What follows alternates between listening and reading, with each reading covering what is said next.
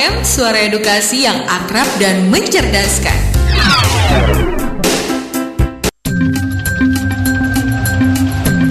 Sahabat edukasi, tahukah kamu bahwa tidak semua ikan di laut bernafas dengan insang?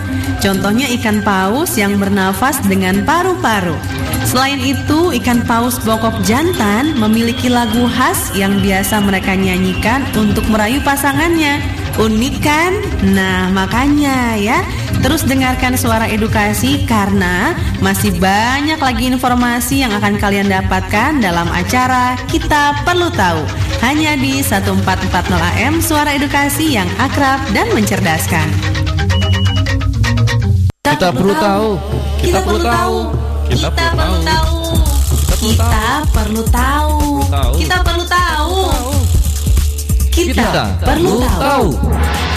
Oke. Assalamualaikum warahmatullahi wabarakatuh. Halo sahabat edukasi apa kabar? Di hari baik ini kembali berjumpa ya dalam program kita perlu tahu. Wow. Dan sahabat dikasih seperti biasa Kak Charlie akan menemani sahabat dikasih dalam program kita perlu tahu ya tentunya di suara edukasi dan mencerdaskan dan di edisi kali ini Kak Charlie uh, tidak bisa ditemani oleh uh, para angels ya yang biasanya Kak Charlie ini duet bersama Kak Siswa atau Kameli ataupun Kak Ajeng ya. Dan di kali ini ini spesial Kak Charlie uh, siaran secara solois. Tapi tentunya ini tidak mengurangi semangat kita ya sahabat edukasi ya dalam memberikan informasi kepada sahabat edukasi dan juga tidak menyurutkan semangat Kak Charlie juga untuk menemani sahabat edukasi ini ya terutama untuk aktivitas sahabat edukasi di hari ini. Dan sahabat edukasi Kak Charlie juga ingin mengucapkan selamat menunaikan ibadah um, puasa ya bagi sahabat edukasi yang menjalankannya di hari ini semoga lancar dan juga semuanya dapat berjalan dengan baik. Oke. Okay? Dan sahabat dikasih, seperti biasa kita perlu tahu ini akan mengangkat sebuah tema yang tentunya akan menarik untuk kita bahas yang berkaitan dengan khasanah Islam ini sahabat dikasih ya. Nah di bulan suci Ramadan ini tentunya kita hmm, harus suka menurut Kak Charlie ya kita harus merefresh uh, diri kita tuh dengan uh, pengetahuan bagaimana sih sejarah dari Islam di Indonesia sahabat dikasih ataupun pengetahuan tentang budaya-budaya Islam saya dikasih karena itu menarik ya dan itu pun untuk menambah semangat kita dalam menjalankan ibadah puasa ya seperti itu dan saya dikasih di edisi kali ini ini Kak akan membahas yaitu adalah wujud alkulturasi dan perkembangan budaya Islam di Nusantara. Wah ini menarik ya terkait dengan alkulturasi loh saya dikasih. Sahabat nih saya dikasih yang sudah mengetahui apa itu alkulturasi ataupun ada yang belum? Nah, nanti Kak Charlie akan kasih tahu ya. Tapi sebelumnya, Sahabat Dikasih Kak Charlie juga ingin mengajak bagi Sahabat Dikasih yang saat ini sedang live melalui live Instagram Sahabat Dikasih. Nah, boleh melambaikan tangan ya. Halo Sahabat Dikasih, apa kabar ya? Yang saat ini sedang uh, mengikuti live-nya di Suara Edukasi ataupun yang saat ini sedang mendengarkan streamingnya Suara Edukasi ya. Kak Charlie juga ingin menyapa, semoga kalian dalam keadaan sehat dan juga baik ya. Dan Sahabat Dikasih, terkait dengan akulturasi ya.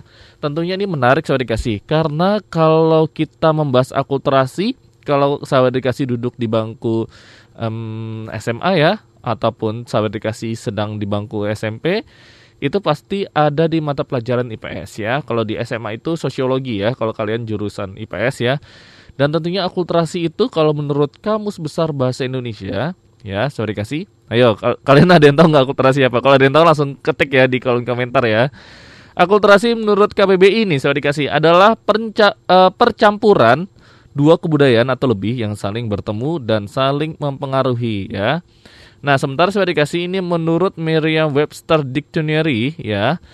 Akulturasi adalah penggabungan budaya sebagai hasil dari kontak yang berkepanjangan. Itu saya dikasih ya Nah, ada pula sudah dikasih ini mengutip dari UK Essay ya, mendefinisikan akulturasi adalah proses yang dapat terjadi ketika dua atau lebih budaya berinteraksi, sahabat dikasih ya. Jadi ini sama-sama terkait dengan dua budaya, sahabat dikasih yang saling mempengaruhi ya, saling berinteraksi ya. Intinya kalau tadi Pak Cari berdasarkan dari uh, pengertian dari beberapa um, sumber ya, sahabat dikasih. Nah, itu dia sahabat dikasih. Jadi akulturasi itu uh, budaya Islam seperti dikasih yang di mana dia menyatu dengan budaya Indonesia ya dulunya yang dulunya itu masih terpengaruh Hindu Buddha sehingga terjadilah pencampuran. Nah nanti Kak Charlie akan bahas sahabat dikasih ya kira-kira wujudnya apa aja Kak Charlie contohnya apa aja ya ini menarik ya karena terkait dengan akulturasi ini sahabat dikasih harus tahu oh ternyata uh, yang Kak Charlie bahas ini kaitannya dengan uh, wujud akulturasi. Nah, antara budaya Islam dengan uh, budaya Hindu Buddha ya yang dulu sehingga sekarang pun kita dapat merasakan uh, perwujudan dari akulturasi itu sendiri ya. Nanti Kak akan bahas lagi dan Kak ingin menyapa yang sudah tadi bergabung bersama Kak ada Rani Nanda Putu ya di live Instagramnya dan juga di sini ada siapa lagi? Ada oh ada Kak Syarif juga ya. Saya akan bergabung sama Kak Charlie juga ya. Halo untuk sahabat dikasih semua ya. Silakan nanti yang bergabung kalian bisa kirim salam langsung aja uh, tulis di kolom chat uh, radio suara dikasih ya di Instagramnya ataupun kalian bisa langsung WhatsApp ke nomor suara dikasih di 0811913140. Pastikan kamu sudah men-save nomor suara edukasi di handphone kamu ya. Dan suara dikasih setelah ini Kak akan kembali lagi, jadi tetap bersama Kak Charlie ya, hanya di Suara Dikasih yang akrab dan mencerdaskan. Kita perlu tahu, kita perlu tahu, kita perlu tahu, kita perlu tahu, kita perlu tahu, kita perlu tahu. Yap, sahabat dedikasi masih bersama Kak Charlie dalam program kita perlu tahu. Terima kasih bagi sahabat dedikasi sudah standby masih bersama Kak Charlie ya dan tentunya baik melalui Instagram ataupun melalui streamingnya di suaraedukasi.kemdikbud.go.id. Nah, sahabat edukasi kembali kita perlu tahu ini mengangkat sebuah tema ya seperti biasa dan kali ini kita membahas yaitu adalah akulturasi dan perkembangan budaya Islam di Nusantara. Tentunya kalau perwujudan dari akulturasi ini sampai sekarang sudah nyata sahabat edukasi ya. Karena itu berkaitan dengan sejarah Indonesia yang di mana dulu itu pada mas uh, pada masa Hindu Buddha ya terus terjadi perairan uh, masuknya Islam ke Indonesia nah terjadilah percampuran antara uh, dua budaya tersebut saya dikasih ya jadi memang saya dikasih sebelum uh, agama Islam itu masuk dan berkembang di Indonesia ini Nusantara ini atau negara kita itu sudah memiliki corak kebudayaan yang dipengaruhi oleh agama Hindu dan Buddha saya dikasih ya seperti yang saya dikasih pelajari itu ya dalam uh, sejarah dengan masuknya Islam saya dikasih Indonesia ini tentunya mengalami proses percampuran ya antar kedua budaya tersebut saya dikasih ya. Dan saya dikasih ini Kacari lagi-lagi ingin mengutip dari sumber belajar.kemdikbud.go.id ya ataupun dari rumah belajar ya saya dikasih ya bahwa berkembangnya kebudayaan Islam di Nusantara ini menambah hasanah budaya nasional saya dikasih memberikan dan menentukan corak pada kebudayaan bangsa Indonesia dan perkembangan budaya Islam ini tidak menggantikan atau memusnahkan kebudayaan yang sudah ada di Indonesia ya. Jadi bukan berarti ketika kerajaan Hindu Buddha atau budaya Hindu Buddha waktu itu ada di Indonesia terus masuknya ajaran Islam di Indonesia itu tidak memusnahkan uh, budaya sebelumnya saya dikasih ya, tapi justru terjadi kolaborasi saya dikasih antar uh, dua kebudayaan tersebut saya dikasih ya. Nah, sehingga akulturasi pun terjadi antara kebudayaan Islam dengan kebudayaan yang sudah ada kala itu saya dikasih. Nah, hasil proses akulturasi antara kebudayaan masa pra-Islam dengan masa Islam itu masuk uh, dalam bentuk fisik saya dikasih ya, seperti fisik bendaan yaitu adalah seni bangunan, seni ukir, pahat atau sastra ya. Nanti kita akan bahas ya saya dikasih ya. Serta bisa masuk ke dalam pola hidup dan juga kebudayaan non fisik saya dikasih. Bentuk lain dari akulturasi kebudayaan pra-Islam dengan kebudayaan Islam sudah dikasih ini seperti upacara ya. Upacara itu banyak sudah dikasih. Ada upacara kelahiran, perkawinan, kemati kematian serta ada yang namanya selamatan ya. Nah sampai sekarang kan selamatan masih ada sudah dikasih ya. Serta ada beberapa uh, seperti acara lainnya atau peringatan lainnya seperti Maulid Nabi ya kan. Uh, itu sudah masuk ke Indonesia sampai sekarang kita masih memperingati ya sudah dikasih ya. Terus ada uh, lainnya seperti kasih ya yang tentunya uh, sampai saat ini masih kita uh, apa namanya jalani seperti satu Muharram gitu ya seperti kasih ya. Nah itu proses akulturasi seperti kasih yang ada di Indonesia. Nah itu seperti kasih. Nanti kita akan bahas uh, contoh-contohnya ya atau perwujudan dari akulturasi itu sendiri ya dari Islam masuk ke Indonesia sehingga terjadi kolaborasi dengan kebudayaan yang sudah ada sejak dulu yaitu uh, dari kebudayaan Hindu Buddha. Wah ini menarik saya dikasih ya. Tentunya ini akan menambah hasanah kita terhadap kebudayaan di Indonesia. Ya kalau saya dikasih belum tahu nih misalnya, oh ternyata wujud dari bangunan itu bentuk akulturasi ya Kak Syari. Nah ini menarik saya dikasih ya. Sama-sama kita harus mengetahuinya supaya kita tidak uh, melupakan bahwa oh ternyata dulu ada percampuran dua kebudayaan ya gitu. Jadi memang saling berkaitan seperti kasih ya. Dan silakan bagi sahabat dikasih ingin bergabung bersama Kak Charlie. Nah, kalian bisa langsung uh, ketik di kolom chat Instagram Suara Dikasih ya kalau kalian ingin bergabung sama Kak Charlie, ingin berkomentar terkait dengan akulturasi kebudayaan Islam di Indonesia. Wah, ini menarik ya. Dan Kak Charlie juga ingin menyapa lagi deh ya. Yang tadi sudah bergabung ada Ula Unala, terus juga ada Hani Museum ya. Terus ada Avicenna, terus ada Rosi Arum, halo. Terus ada Giles Lis, wow namanya unik-unik ya. Ada Mira, ya. Terus juga ada Dayurika, ada Saijrin, terus ada Rami saja dan juga terakhir ini tadi yang baru bergabung ada Stretch uh, kayak SWZ. namanya unik-unik saya dikasih ya. Nah, saya dikasih setelah ini kita akan kembali lagi uh, terkait dengan kebudayaan Islam di Indonesia yang terjadi akulturasi dengan budaya uh, Indonesia itu sendiri. Kira-kira perwujudannya apa aja nih Kak Charlie? Ini pasti menarik untuk kita bahas ya. Setelah ini Kak Charlie akan kembali lagi jadi tetap bersama Kak Charlie hanya di Suara Dikasih yang akrab dan mencerdaskan. Kita perlu tahu. Kita perlu tahu. Kita perlu tahu. Kita perlu tahu. Kita perlu tahu. Kita perlu tahu. Sahabat dikasih masih bersama Kak Charlie tentunya di suara dikasih yang akrab dan menjelaskan. Sebenarnya Kak Charlie dari sendiri sahabat dikasih karena telah ditemani oleh selalu ditemani oleh Kak Sarif juga ya. Yang setia menjadi operator uh, di program siaran suara edukasi. Nah, Sahabat dikasih kembali di KPT hari ini ya. Kita mengangkat tema wujud akulturasi kebudayaan Islam di Indonesia sahabat dikasih. Kalau kita bicara mengenai akulturasi ya yang tadi Kak Charlie sudah sebutkan di awal-awal segmen bahwa akulturasi itu kan pencampuran dua budaya berbeda sahabat dikasih ya. Mereka saling berkolaborasi tidak uh, berarti satu budaya masuk ya kemudian memusnahkan atau menghilangkan budaya sebelumnya tidak seperti kasih. Tapi akulturasi itu adalah terjadinya percampuran ya, terjadinya pembiasaan antara kedua kebudayaan sehingga uh, mereka saling berkolaborasi dan itu pun bisa kita lihat dalam wujud uh, budaya benda ataupun tak benda sendiri ya. Nah, sahabat dikasih, selanjutnya Kak Charlie ya akan membawa sahabat dikasih untuk um, bagaimana sih contoh bentuk akulturasi budaya Islam dengan budaya Indonesia itu sendiri ya.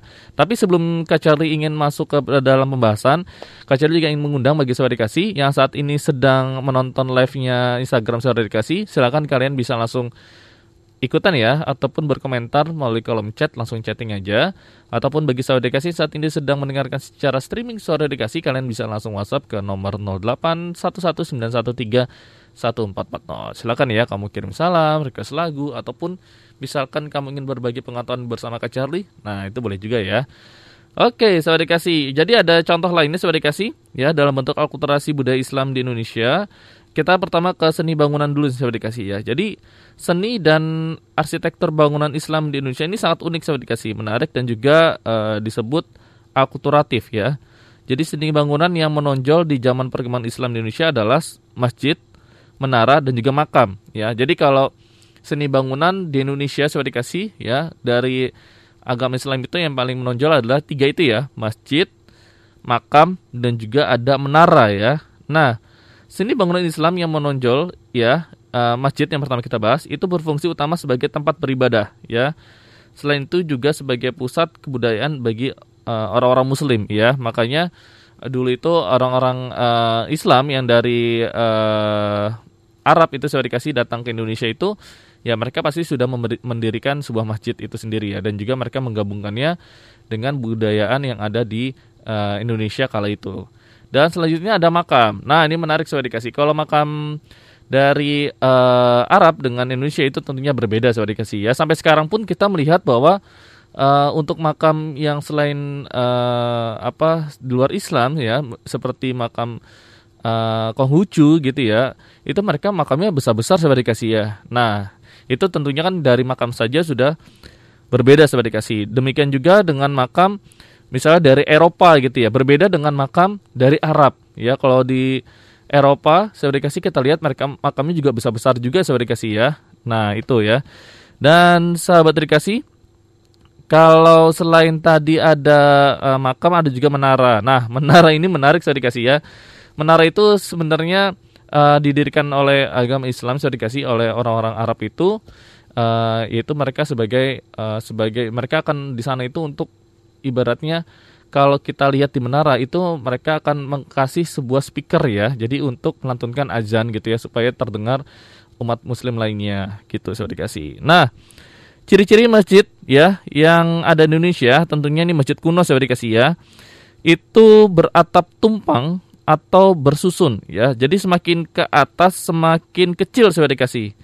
Ya dan tingkat paling atas itu berbentuk limas dan jumlah tumpangnya biasanya ganjil saya dikasih. Nah, tidak ada menara yang berfungsi sebagai tempat mengundangkan azan. Jadi masjid uh, kuno itu di Indonesia yang dibangun itu ya karena waktu itu uh, berakulturasi dengan bangunan-bangunan Hindu Buddha, jadi belum dibangun menara saya dikasih ya. Jadi hanya berbentuk uh, masjidnya itu berbentuk uh, apa bersusun beratap tumpang dan juga di atas itu berbentuk limas ya, tapi tidak ada menara untuk mengumandangkan azan seperti kasih. Dan umumnya itu didirikan di ibu kota dekat istana kerajaan ya, di atas bukit ataupun dekat makam. Itu seperti kasih ya.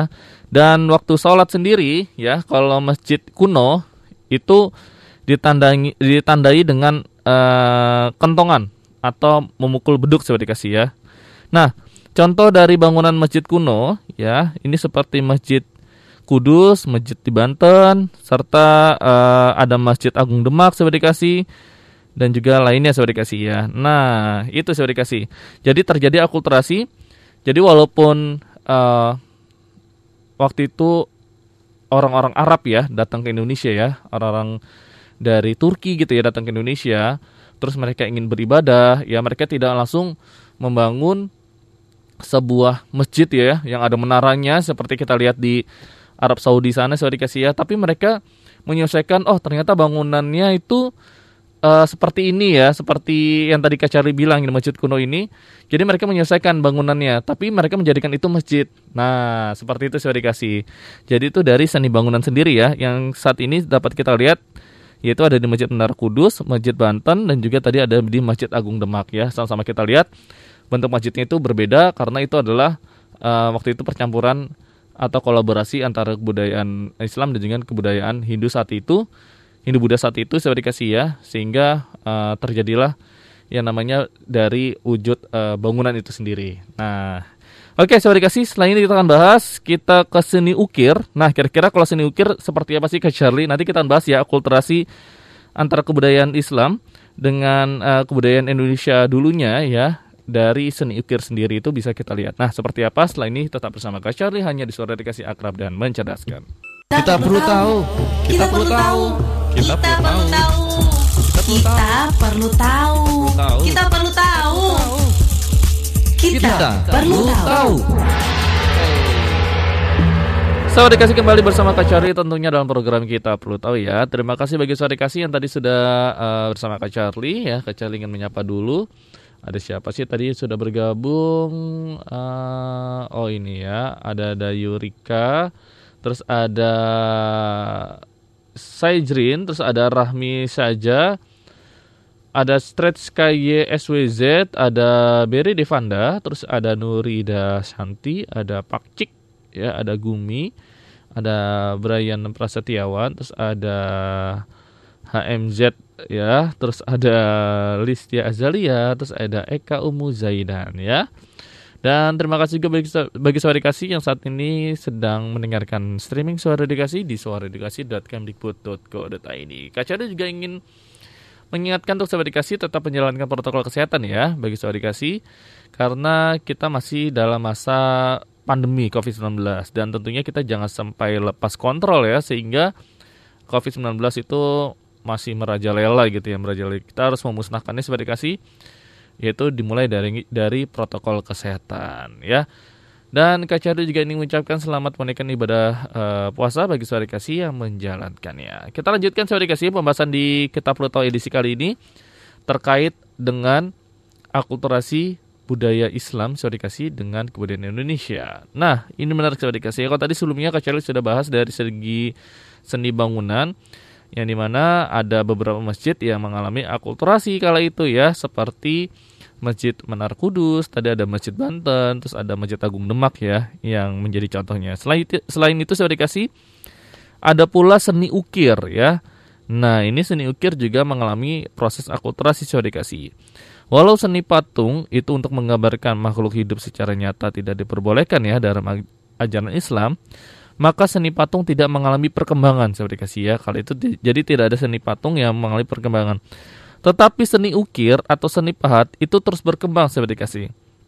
Dan seni hias yang berkembang adalah seni ukir dengan motif daun-daunan dan juga bunga-bungaan, kaligrafi huruf Arab ya. Dan muncullah kreasi baru yaitu bila terpaksa melukis makhluk hidup disamarkan dengan berbagai hiasan agar tidak jelas berwujud hewan ataupun manusia. Contoh ukiran ya yang mengalami akulturasi yaitu ada di mimbar Masjid Gel-Gel Klungkung di Bali saya dikasih ya dan ukiran di Masjid Mantingan Jepara Jawa Tengah. Wah, ini dua masjid yang cukup kuno saya dikasih atau yang sudah ada sejak uh, zaman dulu saya dikasih ya, apalagi di Masjid Mantingan di Jepara Jawa Tengah. Jadi di sana ada seni ukir saya dikasih di mana itu dibuat yaitu adalah um, uh, setelah mengalami proses akulturasi saya dikasih ya karena dulu itu kan sering banget ketika agama Islam belum masuk seni ukir itu ataupun seni patung itu banyak lah di Indonesia. Dan saat itu masuknya budaya Islam di Indonesia maka kalau itu orang-orang Arab ya, ya mereka melakukan uh, membuat ukiran saya dikasih pada masjid uh, yang tadi Kacil sebutkan. Ada Masjid Mantingan dan juga ada Masjid Gel-Gel Klungkung yang saat itu juga ukiran itu menjadi ciri khas dari uh, budaya selain agama Islam ya. Nah, seperti kasih selain ini Kacil akan bahas lagi ya terkait uh, dengan uh, yaitu adalah akulturasi ya kebudayaan Islam di Nusantara seperti apa dan Kacali juga akan mengumumkan pemenang Ki Hajar edisi uh, sekarang tanggal 28 berarti edisi 27 April ya. Yang kemarin saya dikasih ya di hari Selasa. Kira-kira siapa? Bagi kalian yang ingin menyaksikan siapakah pemenangnya, apakah diri kalian, setelah ini Kacali akan kembali lagi ya untuk mengumumkan Ki Hajar, uh, kuis Ki Hajar Espoler dan juga akan melanjutkan pembahasan kita terkait dengan uh, akulturasi kebudayaan Islam di Indonesia. Kira-kira siapa pemenang Kuis Gajah Explorer setelah ini Kacil akan umumkan jadi tetap di suara dedikasi yang akrab dan mencerdaskan. Kita perlu tahu, kita perlu tahu, kita perlu tahu, kita perlu tahu, kita perlu tahu, kita perlu tahu. Sahabat dikasih kembali bergabung bersama Kak Charlie. Tentunya dalam program kita perlu tahu ya. Dan kita masih membahas sahabat dikasih terkait dengan akulturasi kebudayaan Islam di Indonesia sahabat dikasih ya. Dan sahabat dikasih Kak Charlie juga ingin mengumumkan pemenang kuis Ki Hajar edisi 27 April 2021. Nah kalau sahabat edukasi mengikuti Ki Hajar Espoler tentunya sahabat dikasih sudah tahu kan apa itu Ki Hajar Espoler ya? Tentunya sebuah kuis yang diadakan oleh uh, Ki Hajar Sahabat Dikasih ya. Ini sebagai bentuk uh, program belajar di rumah juga Sahabat Dikasih. Nah, cara ikutnya gampang loh Sahabat Dikasih. Kalian nanti tinggal lihat aja ya postingan dari Suara Edukasi. Di sana ada informasi terkait dengan kuis Ki Hajar Explorer. Nah, cara ikutnya juga gampang Sahabat Dikasih. Itu ada di link bio dari Suara Edukasi ya. Kalian tinggal klik aja di sana tinggal mengisi biodata dan di sana nanti akan diajak saya dikasih ke sebuah uh, link ya, baik itu situsnya TVE ataupun dari Suara Edukasi ya. Dan di sana kalian bisa uh, menemukan jawabannya saya dikasih terkait soal yang nanti akan dipost juga oleh Suara Edukasi. Jadi untuk mengikutinya gampangnya kalian tinggal cari tahu aja ya di feednya uh, Instagram Suara Edukasi. Nah, KCL akan mengumumkan saya dikasih pemenang dari edisi 27 April 2021. Ini ada siapa ya? Nah, untuk pemenangnya saya dikasih yaitu ada Wina Triana ya dari SMP Negeri 14 Pekanbaru Riau ya dengan nama Instagramnya adalah @win underscore st02. Selamat untuk Wina Triana yang telah memenangkan kuis Kiajar Explorer edisi 27 April 2021. Dan untuk sebagai sahabat dikasih yang ingin mendapatkan hadiah menarik dari Ki Hajar Explorer, langsung saja kalian ikuti kuis Ki Hajar Explorer hanya di Suara Edukasi, Akrab dan Mencerdaskan maupun di TV Edukasi ya. Dan Suara Edukasi kita lanjutkan pembahasan terkait dengan ini ya, uh, akulturasi dan juga perkembangan budaya Islam di Nusantara. Kalau tadi sebelumnya Kak Charlie sudah membahas ada seni ukir Sobat Edukasi yang di mana saya dikasih bisa melihat akulturasi dari seni ukir sendi itu sendiri ada di Masjid Mantingan di Jawa, para Jawa Tengah ya ataupun di uh, Masjid Gel-Gel di Klungkung Bali ya. Selanjutnya kita ke perwujudan itu ada di aksara dan juga sastra. Jadi perkembangan Islam di Indonesia itu membawa pengaruh dalam bidang aksara sudah dikasih atau tulisan. Dan abjad Arab untuk menulis bahasa Arab ini mulai digunakan di Indonesia seperti dikasih dan huruf Arab digunakan di bidang seni ukir juga ya. Jadi ini adalah perkembangnya seni kaligrafi seperti dikasih dan perkembangan sastra di zaman Madya terpengaruh sastra Islam dan juga Persia tetapi tidak lepas dari pengaruh unsur sastra sebelumnya seperti dikasih sehingga terjadilah akulturasi antara sastra Islam dengan sastra zaman pra-Islam dan seni sastra zaman Islam ini berkembang di Melayu dan Jawa ya dan bentuk seni sastra Islam itu berupa hikayat, babat, sair dan juga suluk. Nah, ini kacil akan bahas dulu ya dari hikayat saya dikasih. Apa sih itu kacali hikayat ya? Hikayat merupakan sebuah uh, kisah persorangan yang diangkat dari tokoh-tokoh terkenal yang hidup pada masa itu saya dikasih. Seperti contohnya hikayat Hang Tua, Hikayat Panji Semirang, Hikayat Bayan Budiman, dan juga lainnya. Karya ini merupakan pengaruh dari budaya Persia dan juga masuk ke Indonesia ya sudah dikasih ya dari hikayat itu sendiri dan saat ini pun masih banyak sudah dikasih hikayat-hikayat yang kita bisa baca ya. Kalau bahasa dari uh, Indonesia lainnya adalah seperti biografi, tapi ini hikayat ini merupakan uh, sastra dari uh, budaya Persia. Selanjutnya ada babat ya. Babat ini bukan makanan seperti kasih ya, beda ya. Babat merupakan suatu karya sastra yang hidup dalam masyarakat rasional dan lingkungan kebudayaan Jawa. Ini babat termasuk uh, dalam jenis historiografi ya, historiografi benar ya, uh, dengan ciri utamanya telah bercampurnya unsur sejarah dan dongeng ya. Sebagai contoh dari babat nih, seperti kasih seperti babat dari tanah Jawi, Babat Diponegoro dan juga uh, Babat Cirebon ya. Jadi ini merupakan bentuk dari jenis historiografi tradisional ya. Ini menarik seperti kasih ya dari babat itu sendiri dan saat ini pun bisa kita temukan juga ya. Selanjutnya yang tadi Kak Charlie bilang ada suluk. Apa itu suluk ya? Nah, seperti kasih Suluk itu merupakan kitab-kitab yang berisi ajaran tasawuf ya. Contoh suluk antara lain uh, yaitu adalah suluk Sukarsa yang berisi tentang Ki Sukarsa yang mencari ilmu sejati untuk mendapatkan kesempurnaan hidup ya. Terus ada pula saya dikasih uh, ini ya Suluk Ujil. Nah ini tentang kumpulan nasihat Sunan Bonang kepada Ujil ya seorang bertubuh kerdil uh, bekas abdi dalam ya Majapahit kala itu. Wow jadi tadi sastranya lumayan menarik juga saya dikasih ada hikayat, babat dan juga suluk ya yang di mana ini adalah akulturasi kebudayaan Islam di Nusantara. Nah, setelah ini Kacel akan bahas lagi uh, lebih menariknya seperti kasih terkait dengan akulturasi kebudayaan Islam di Nusantara. Nah, kira-kira ada apa lagi? Tetap bersama Kacel ya, hanya di suara dikasih yang akrab dan mencerdaskan. Kita perlu tahu. Kita perlu tahu. Kita perlu tahu. Kita perlu tahu. Kita perlu tahu. Kita perlu tahu. Sahabat dikasih kembali bersama Kak Charlie. Tentunya dalam program kita perlu tahu ya. Terima kasih bagi sahabat dikasih yang telah join bersama Kak Charlie. Ya. Tadi itu ada uh, Gibran Maharati. Ya, terus juga ada S. Puja Purnama, ada Eka Umu Zaidan, terus ada Kak Maeswari Raisya, terus ada Juju 7357, terus ada juga Adrian Rahman ada juga Tau Frida dan juga tadi masuk juga ya Fabiola Priscilia. Oke, terima kasih teman-teman yang tadi telah join bersama Kak Charlie ya. Ini melalui Instagramnya Suara Edukasi saat ini sedang live. Dan juga oke, okay, yang saat ini mendengarkan secara streaming yaitu di suaraedukasi.kemdikbud.go.id. Masih bersama Kak Charlie tentunya ditemani oleh Kak Sarif juga ya. Dan Suara Edukasi kita lanjutkan pembahasan kita terkait dengan uh, akulturasi kebudayaan Islam di Nusantara sudah dikasih.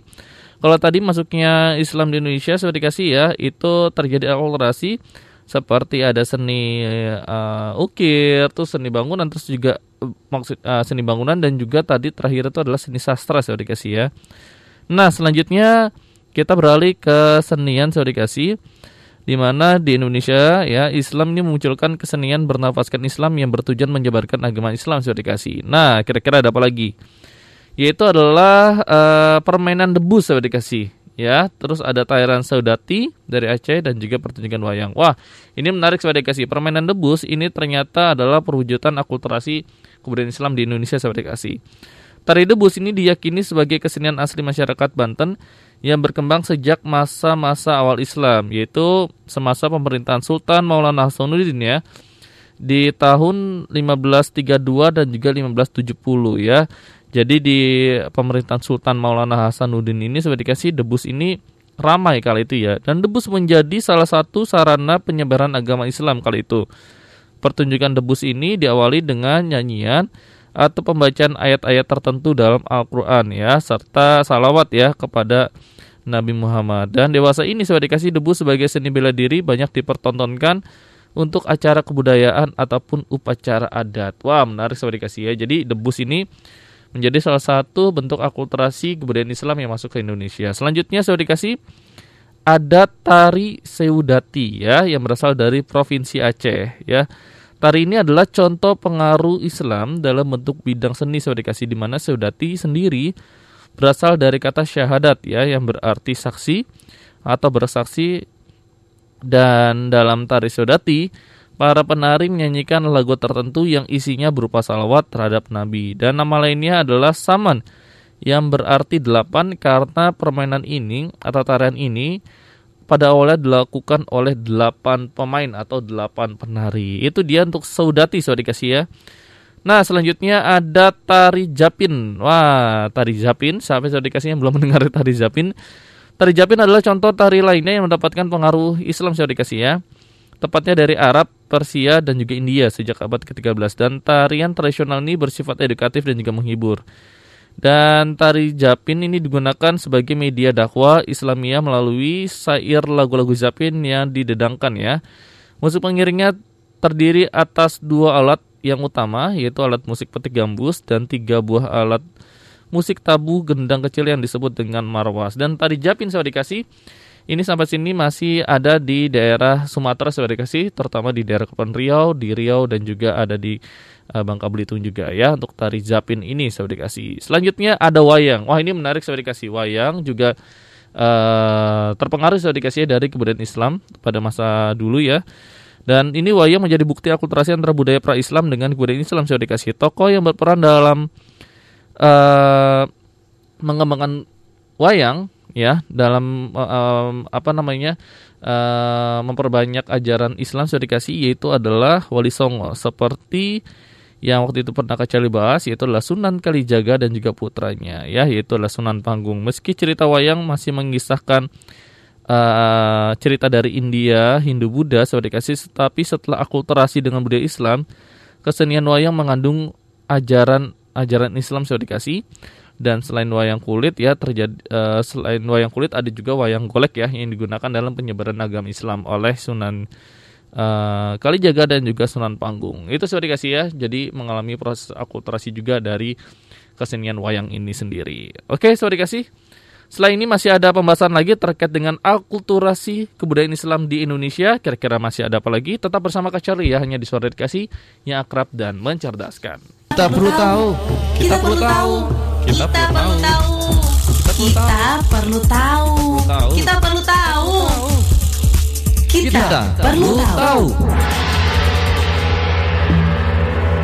Yes, sahabat dedikasi kembali bersama Kak Charlie tentunya di sore dedikasi yang keren dan mencerdaskan ya. Dan sahabat dedikasi tetap semangat bagi kalian yang menjalankan ibadah puasa dan jangan lupa kalian tetap menjalankan uh, aktivitas yang produktif sahabat dedikasi ya. Dan jangan sampai ibadah puasa kalian ya dilalui dengan mm, ibaratnya membuang waktu-waktu saja sahabat dedikasi ya.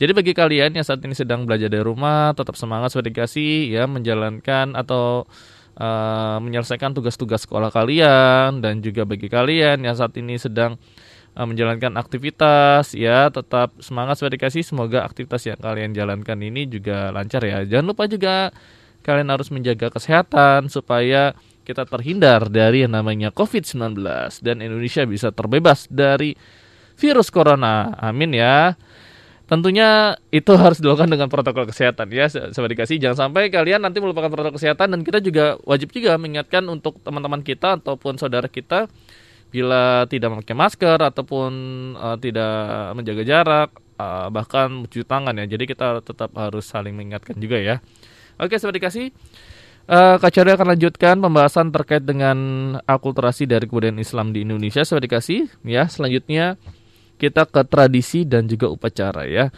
Jadi tradisi dan upacara ini menariknya sudah dikasih ada tradisi di jarah ya yang masuk ke Indonesia ini merupakan uh, budaya dari uh, Islam di Arab sudah dikasih ya. Tradisi jarah ini adalah kebiasaan masyarakat Islam untuk mengunjungi tempat-tempat keramat berupa makam raja ataupun orang-orang penting pada hari-hari tertentu ya yang dimakamkan di halaman masjid dan ritual tersebut serupa dengan ritual yang dilakukan pada bangunan candi yang dianggap keramat sebagai kasih demikian pula dengan makam raja-raja atau sultan oleh masyarakat yang dianggap sebagai orang keramat yang memiliki kekuatan. Magis kali itu ya dulunya ya sebagai kasih ya tapi sampai sekarang yang namanya tradisi sejarah itu tetap ada karena itu e, sebagai bentuk atau simbol menghormati e, keluarga kita yang telah tiada sebagai kasih apalagi pada saat di awal-awal puasa gitu ya ataupun di menjelang hari-hari besar itu biasanya kita akan melakukan ritual ziarah ya di Indonesia. Nah, selanjutnya sudah dikasih ada pula ini adalah upacara sudah dikasih upacara keagamaan ya. Itu wujud akulturasi dengan agama Islam yang sampai saat ini masih terus dilaksanakan seperti peringatan uh, Maulid Nabi, ada Isra Mi'raj, terus ada juga hari raya Idul Fitri, ada hari raya Idul Adha, terus ada pula upacara grebek Maulid ya di beberapa daerah seperti di uh, di Pulau Jawa saya dikasih ya yaitu di Demak, Surakarta, Yogyakarta, Cirebon, Banten juga lainnya ya. Dan kalau tadi ada tradisi ziarah dan juga upacara keagamaan, selain itu ada kalender. Wah ini menarik saya dikasih ya.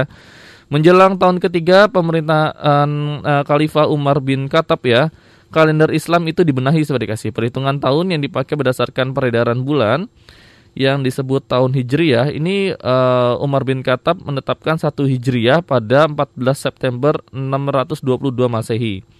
Dan sistem kalender pun itu itu uh, sistem kalender yang dirubah oleh Umar bin Khattab itu juga berpengaruh di Indonesia saya dikasih kali itu ya. Bukti perkembangan sistem penanggalan kalender paling nyata adalah sistem kalender ciptaan Sultan Agung. Dia melakukan sedikit perubahan nama-nama bulan pada tahun Saka. Misalkan bulan Muharram diganti nama Surah, atau Suro ya dan Ramadan diganti dengan Pasa. Kalender tersebut dimulai tanggal 1 Muharram 1440, eh, 1043 Hijriah maksudnya ya. Dan kalender Bul, eh, Sultan Agung dimulai 1 Suro 1555 Jawa ya. Atau kalau tanggal bulan itu 8 Agustus 1633 Masehi. Jadi ini ada kaitannya seperti dikasih kalender dari uh, Islam sudah dikasih ya dengan uh, kalender uh, bulan di Indonesia. Ya kita masih memperingati memperingatinya seperti uh, bulan Ramadan ini ada hijriahnya juga sudah dikasih tahunnya pun masih disebutkan juga ya. Sementara yang lainnya juga demikian. Itu sudah dikasih ya. Dan sudah dikasih uh, demikian yang dapat Charlie sampaikan terkait dengan akulturasi kebudayaan Islam di Indonesia atau di Nusantara ini menarik untuk kita bahas. Saya dikasih dan tentunya uh, sudah banyak informasi yang Kak Charlie berikan ya. Semoga bisa menambah pengetahuan untuk kalian semua. Dan saya dikasih untuk informasi selanjutnya kalian bisa mempelajari langsung ya. Uh, saat ini sudah banyak dan juga jangan lupa kalian terus berliterasi terkait dengan budaya Indonesia ya. Kak Charlie pamit undur diri dan jangan lupa selain ini masih ada konten edukasi lainnya tidak kalian untuk kalian simak dan nanti pukul 2 siang waktu Indonesia Barat ada Kahani di program Eksata ya yang tentunya membahas terkait dengan isu-isu di dunia pendidikan. Nah, seperti apa? Ini menarik untuk kalian simak. Oke, Kacari diri dan juga ada Kasar diri. Terima kasih untuk semuanya. Wassalamualaikum warahmatullahi wabarakatuh. Dah. Kita perlu tahu. Kita perlu tahu. Kita perlu tahu. Kita perlu tahu. Kita perlu tahu. Kita perlu tahu.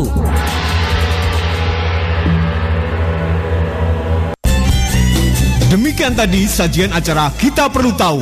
Semoga bermanfaat. Simak dan dengarkan terus suara edukasi.